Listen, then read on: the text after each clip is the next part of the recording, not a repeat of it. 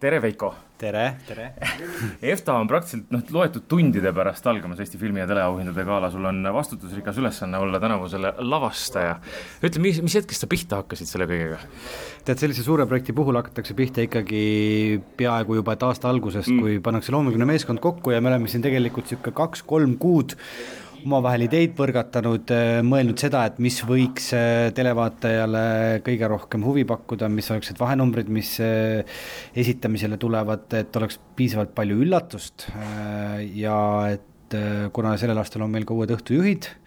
et siis me arutasime ka seda pikalt, et eh, kes see võiks olla, et kuna Tõnis otsustas ameti maha panna ja ta istub saalis, ma saan aru. Eh, Tõnisil on tegelikult eh, etendus, ta jõuab saali teiseks pooleks. Okay., et ta teenib oma näitleja leiba välja ja on Draamateatris hetkel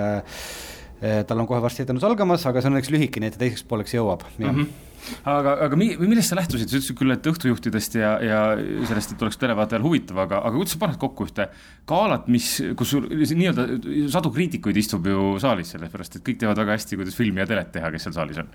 jah, aga see on üks asi, mille peale ei tasu nagu mõelda, see on täpselt, õnneks EFTA galaga ei ole nagu nii suurt painet, nagu on vabariigi aastapäeva kontserdiga, kus ma arvan, et on veel rohkem nagu kriitikuid ja loobitakse oh, kaikad kodarasse. Aga selle puhul on ikkagi see, et noh, ma olen ju ise ka EFTA-t vaadanud saalist ja,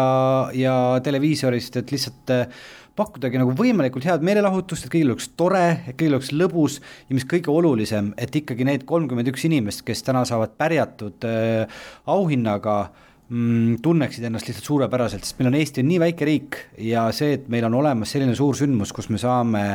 oma tele- ja filmitegijaid tunnustada, on minu meelest lihtsalt fenomenaalne. kas sa vaatad mingeid välismaa suuremaid galasid ka, võtad kuskilt snitti või mõtled, et mida annaks Eestis teha? Äh, jaa. Vaatan välismaa suuremaid galasid eh, ja valan eh, pisaraid, sest et meil seda raha ei ole, et seda Eestis teha. nii et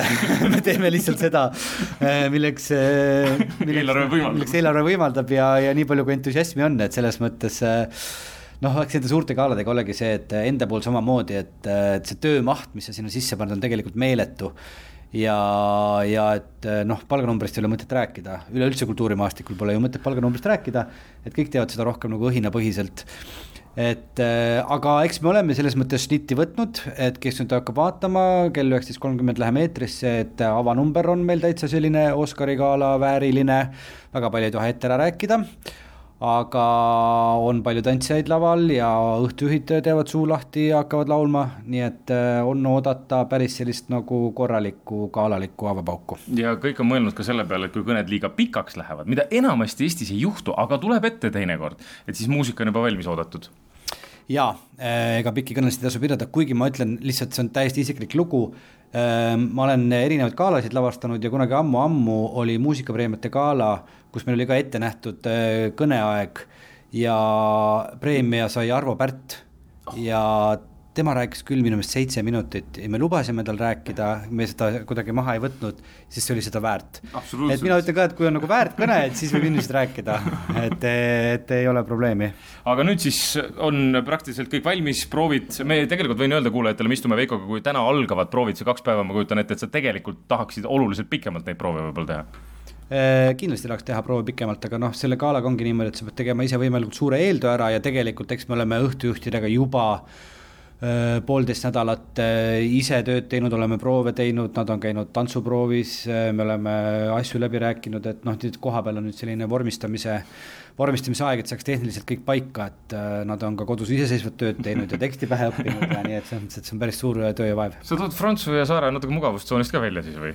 ma toon, aga nad on mõlemad äh, tegelikult äh, õhtujuhtimisega päris palju juba tegelenud, äh, nad on mõlemad ise seotud nii tele kui filmiga, mõlemad on näidelnud, mänginud nii teles kui filmis, kui Franz õpib filmirežissööriks, nad on tegelikult selle maailmaga väga hästi kursis